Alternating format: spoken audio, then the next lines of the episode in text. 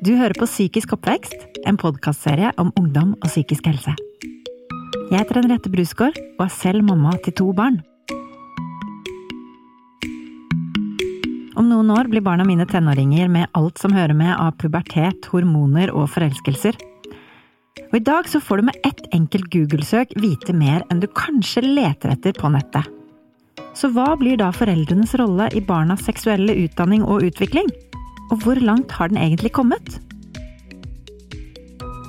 Jeg tror at i vår alder, eh, spesielt nå på videregående, så er det en alder hvor det for noen er litt prestisje å ha hatt sex enten én en eller mange ganger. Jeg har jo hatt mye kompiser og sånt som på fest eh, har ligget med noen. Man ligger ofte med noen når man er full fordi man ikke har helt eh, evnen til å eh, tenke over situasjoner. Ida og Noah er 17 år, i en alder hvor man som forelder for lengst bør ha begynt å snakke med dem om sex, i hvert fall ifølge Marianne Støle Nilsen, som i mange år har jobbet med ungdom og seksualitet. For noen er det kanskje lettere sagt enn gjort. Når man skal snakke med egne barn om seksualitet, så er jo det et håp at man har begynt tidlig. Eh, for der, der, vet vi jo at en del venter, venter for lenge og tenker at dette kan vi bare ignorere helt til de begynner å spørre sjøl, eller vi merker at de er seksuelt aktive.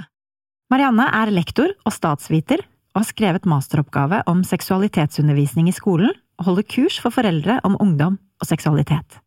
Det er jo noe med å begynne allerede eh, å snakke med, med de som små barn og sørge for at dette med seksualitet og kropp ikke er et tabu, da.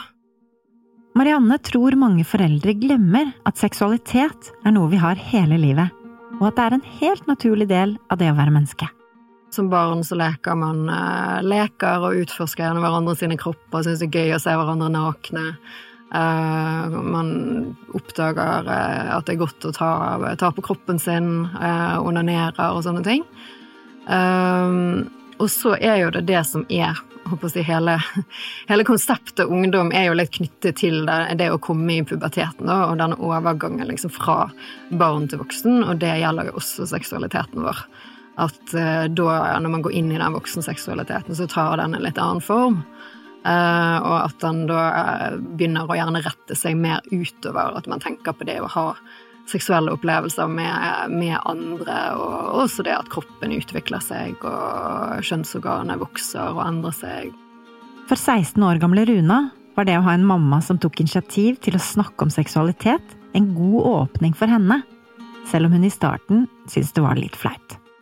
Jeg tror hun til og med snakket om at liksom, det er helt greit at hvis du vil ta på deg selv, og det føles godt, så er det veldig fint liksom som ja, ganske liten, da det er jeg veldig takknemlig for, egentlig. Ja, sånn, da var det ganske flaut. Jeg skjønte ikke helt hva hun mente, da. Men at moren min og jeg har hatt et veldig åpent forhold om egentlig alt om kropp og livet og tanker, da. At uh, ja, mamma hadde snakket med mensen om meg fra en veldig ung alder. Mamma var med meg på do første gang jeg hadde mensen, liksom, og sånn viste fram alle tingene, og liksom Ja, jeg er veldig takknemlig for at jeg har hatt en person å være så åpen med, da, så nærme. Marianne mener det ikke er noen vits i å gå rundt grøten når man skal snakke med barn og ungdom om seksualitet, og at man bør holde seg unna blomsten og bien-metaforene. Vær konkret på, på, hva man faktisk snakker om, og kall ting med, med, med sitt rette navn, da. Eh, gjerne eh, la, la ungdommen sjøl velge hva ord de er komfortable med, um, også.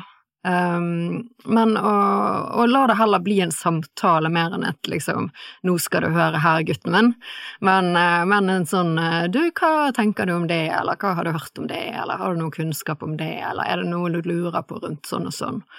Um, og så kan du risikere at ungdommen sier at 'dette skal vi ikke snakke om i det hele tatt'. Uh, og, og, noen ganger kan det være greit å respektere det, men ta det opp igjen på et annet tidspunkt.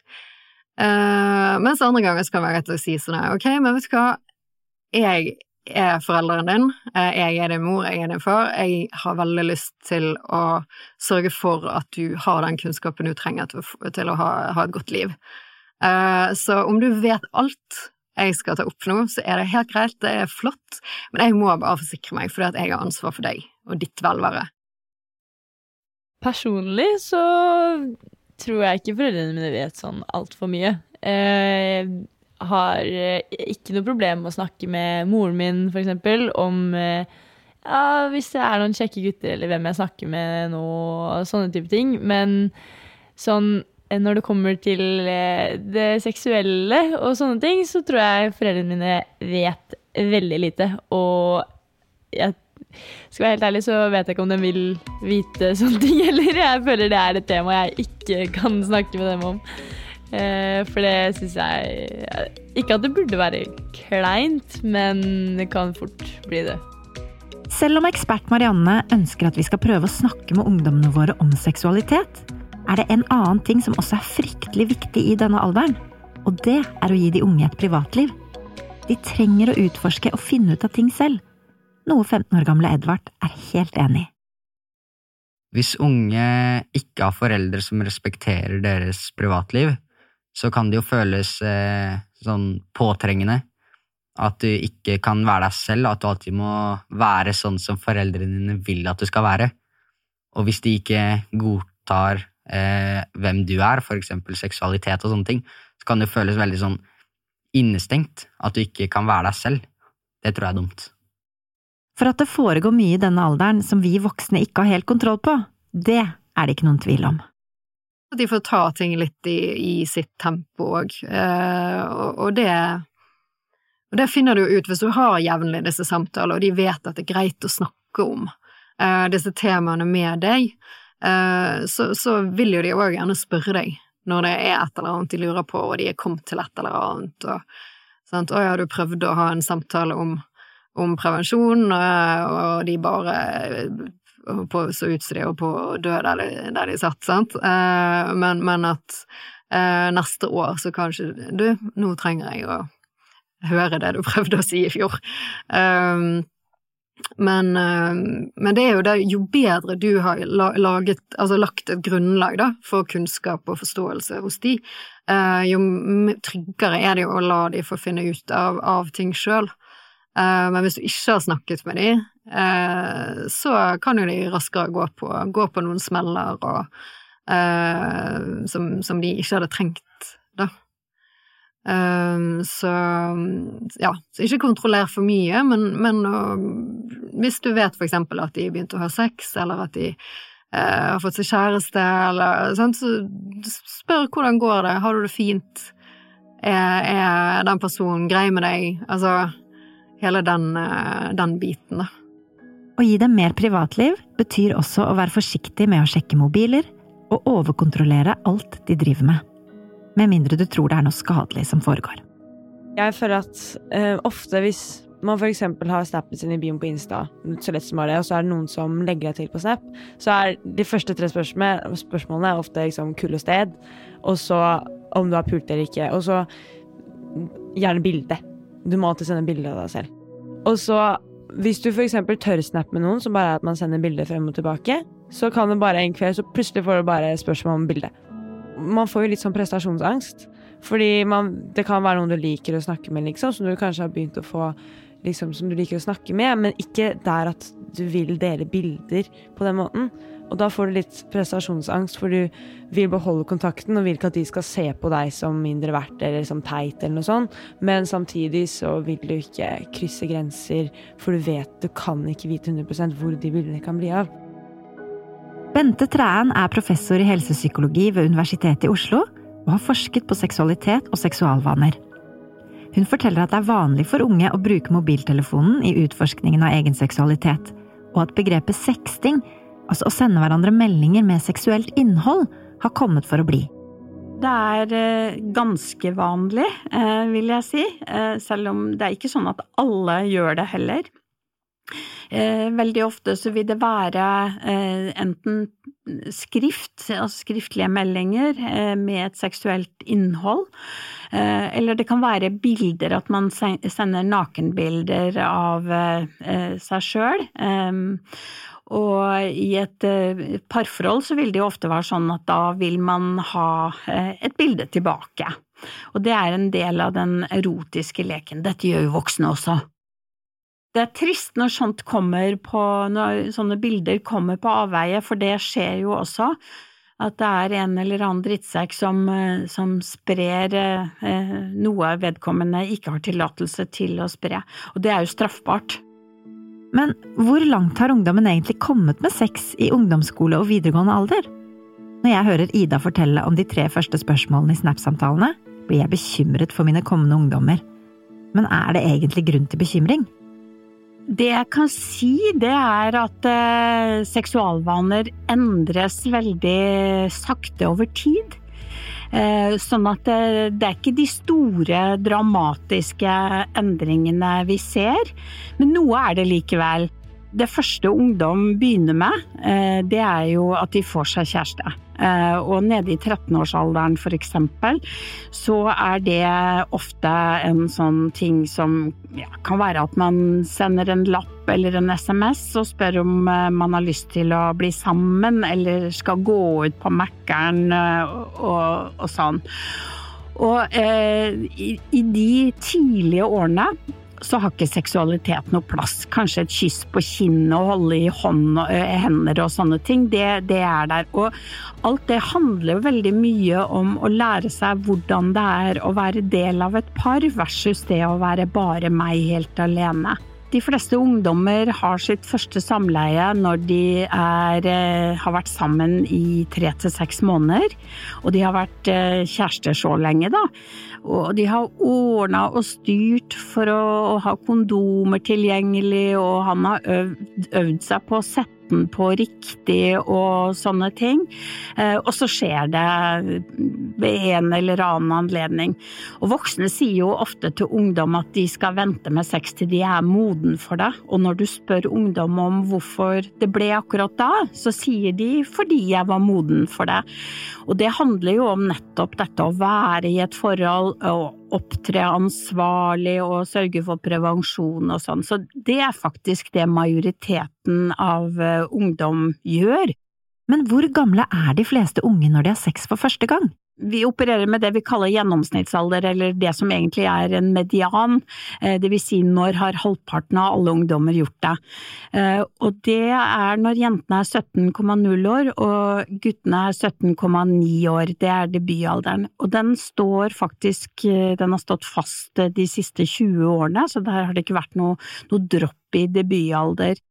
Hvis man da er foreldre, så kan man jo slappe av med at eh, det er ikke så veldig sannsynlig at en 13-åring har hatt samleie.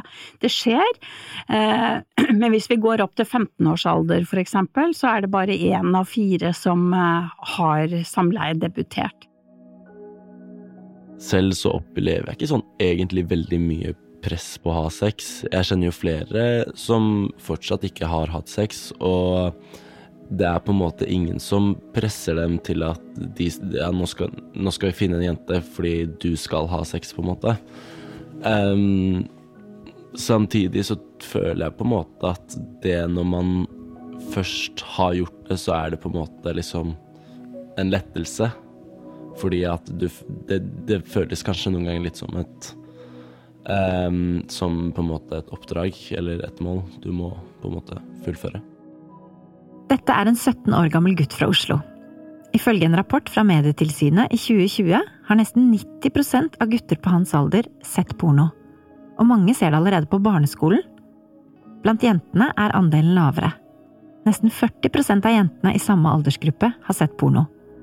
Det betyr at mange ser eller har sett porno før de selv debuterer seksuelt. Første gang jeg eh, møtte porno, var da jeg var eh, kanskje åtte år eh, med fetteren min, som er to år eldre.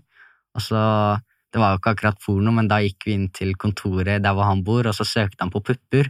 Og så, og så um, bladde vi gjennom bildene og fnisa og så på det, da. Jeg følte egentlig at det var feil. Jeg følte at liksom, det her skal man ikke se, ikke sant? men det var også litt sånn kult å gjøre noe man ikke skulle. Vi ble jo ferska, da. Vi hadde jo ikke kryssa ut den fanen når jeg skulle dra hjem. Så da gikk jo tante inn på kontoret der, og så var det bare en fane oppe med masse bilder av, eh, av pupper, da. Ifølge lektor og statsviter Marianne Støle Nilsen er det viktig at unge får vite at porno er laget for å se spennende ut. Det er ikke en instruksvideo i hvordan få det, det digg i, i, sengen, liksom. Og sånn fungerer ting i virkeligheten. Det er, det er film. Um, akkurat sånn liksom, du kjører ikke du kjører ikke bil sånn som de gjør i Fast and the Furious, og du har ikke sex sånn som de har på porno. Sant? Det er litt sånn grei, grei, måte å se det på. Jeg tror at eh, hvis unge er usikre, så kan de bruke pornosider for å prøve å lære seg selv. Men eh, jeg tror det bare er sånn små tilfeller, hvis de for eksempel vennene snakker om, eh, om et ord, ikke sant, eh, og så skjønner de ikke hva det betyr, så vil de søke opp og se hva de mener, og sånne ting. Jeg tror at mange ungdommer blir tvunget til å få seksualundervisningen sin fra porno, fordi det vi får på skolen, ikke er nok. Og jeg tenker at sånn, det er jo ikke noe galt i å se på porno, så lenge man vet hva porno er. Og porno er fantasi. Det er det det er, det, det er liksom. Men det er jo mange som ikke vet det, fordi de ikke har fått en god seksualundervisning, og da tror de at det er det som er ekte. Marianne mener at pornoindustrien er med på å bygge opp under gamle kjønnsrollemønstre, og at vi faktisk ikke har seksuell likestilling. Vi har andre forventninger til, eh, til gutter enn vi har til, eh, til jenter. Uh, og, og, det kan også bidra til en, en dynamikk som, som kan, kan, være litt skadelig i uh, Både for deg sjøl og selvfølelsen din, men også i uh, litt sånn overgrepssituasjoner, da. at det at, at, jenter blir lært til at de skal, de skal være føyelige og skal egentlig ikke være så seksuelt aktive, og, og gutter har lært at de skal være aktive og dominerende og pågående, og det er kult hvis de har seg, liksom.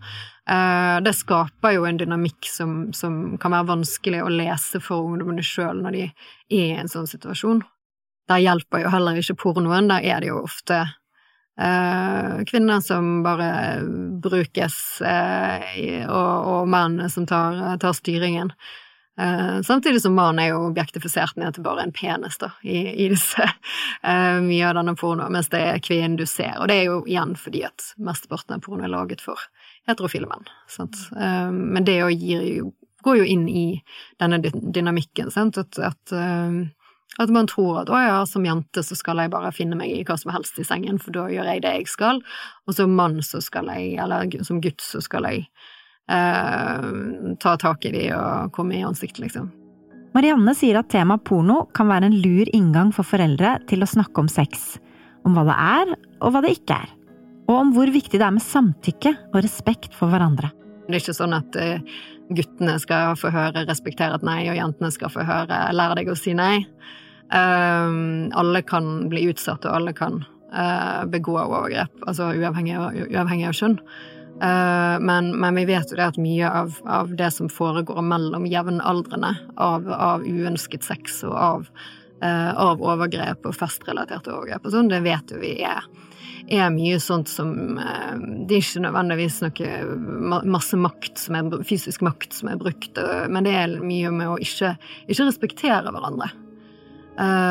Så snakke om det at et samtykke handler om det skal være entusiastisk, så hvis du maser deg til sex, er ikke det et ekte samtykke.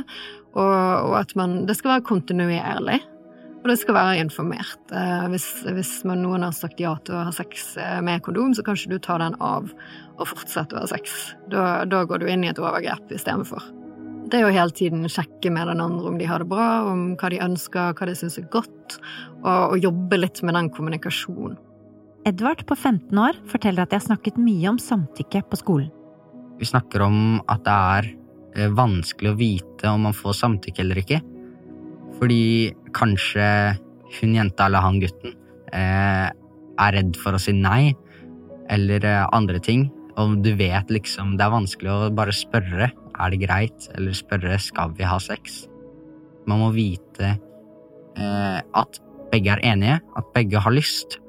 Og hvis ikke så blir det jo Da blir det jo ikke en morsom aktivitet. Da blir det jo bare eh, en som får noe godt ut av det. Og at man må passe på at, eh, at begge parter har lyst. Eh, så vi snakker faktisk eh, ganske mye om det. Sex er ikke bare en fysisk ting man skal ha unnagjort. Det handler jo selvsagt også om følelser.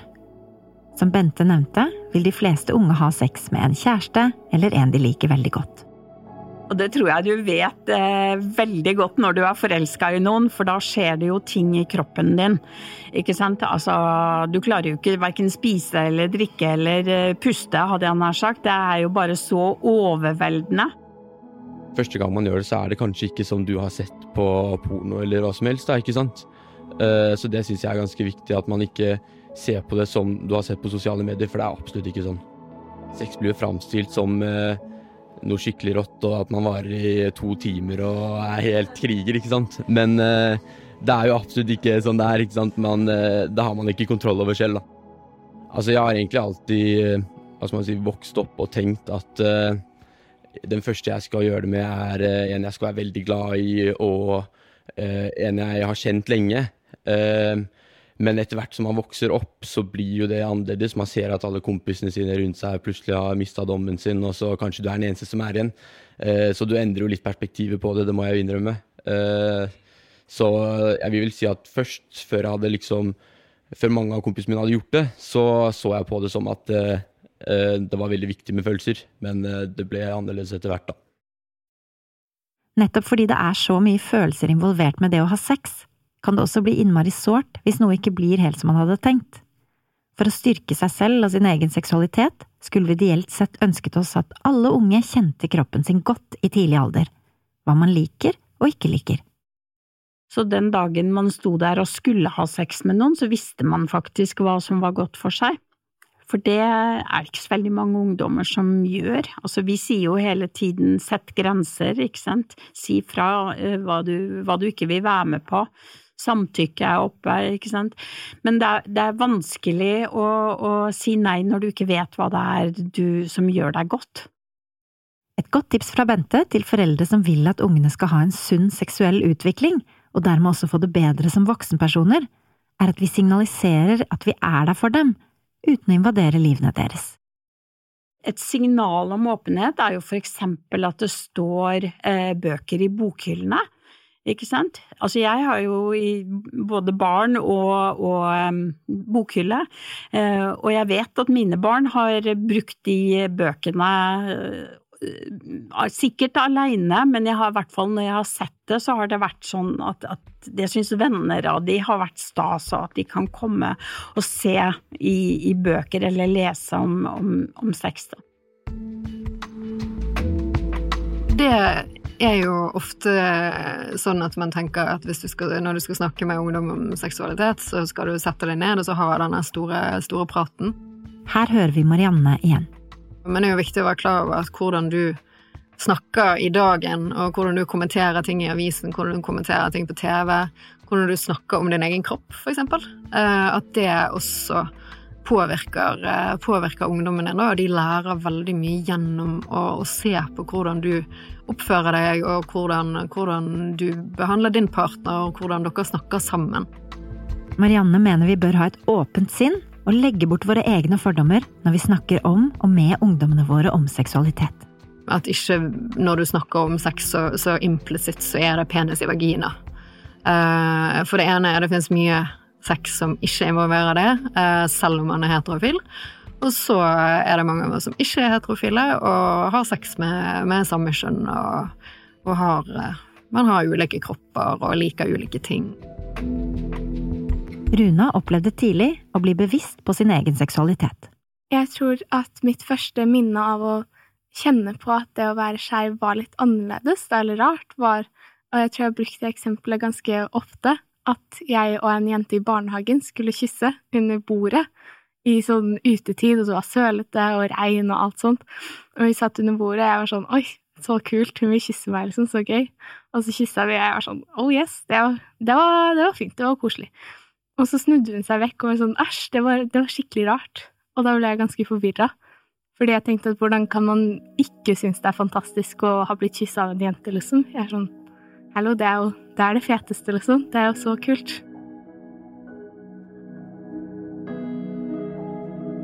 Moren min og jeg har hatt et veldig åpent forhold om seksualitet, så ja, jeg føler veldig at eh, jeg har hatt en god arena til å snakke om det, heldigvis.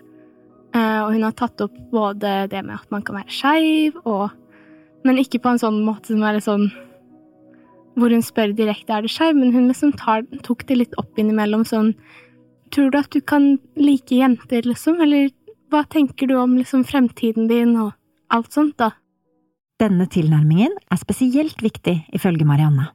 Det er jo det vi vet om å bryte liksom, med normene for seksualitet og kjønn, sant? enten det er da eh, cis-normen, det med at vi eh, at alle skal, skal være, identifisere seg med det kjønnet man fikk tildelt, for. Eh, eller heteronormen, sant? at alle skal være tiltrukket og forelsket i motsatt eh, kjønn. Um, så vet vi jo at hvis du bryter med disse normene, så er jo det hvordan folk møter deg, eh, som, som, er skadelig.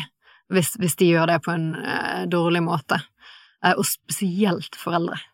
Foreldre er skikkelig viktige i, i akkurat det bildet der. Eh, det er, det er altså det, det, er masse omsorgspersoner rundt, og sant, vi lærer og forskjellig, men for, for, de fleste så er foreldrene i en helt særstilling på å kunne, kunne gi en forståelse og en anerkjennelse og en trygghet og en støtte.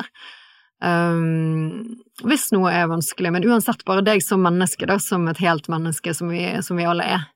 Uh, at, at, du får det, den omsorgen du, du, trenger hjemmefra, og blir elsket uh, uavhengig av hvem du er og hva, hva, du gjør. Uansett hvordan vi velger å snakke med barna våre om kropp og seksualitet, er det viktig at vi stiller med et åpent og ikke-dømmende sinn. Vi ønsker jo at, at, eh, at, barn og unge vokser opp og har et godt forhold til sin egen kropp, et godt forhold til intimitet, og at eh, hvis de har seksuelle opplevelser med, med andre, så er de ønsket og, og gode, og noe som, er, noe som er positivt og fint. da man er nødt til å se seksualiteten ikke som, som, et spesialområde, egentlig. Seksualiteten er en del av det å være menneske, uansett hvilken alder du har. Barn er også seksuelle vesener, eh, for å si det sånn, og eldre er seksuelle vesener. Eh, sånn at, at eh, man må på en måte du, du, må se seksualiteten som en del av, av helheten. Og sex kan få deg til å føle deg forferdelig, og sex kan få deg til å føle deg fantastisk.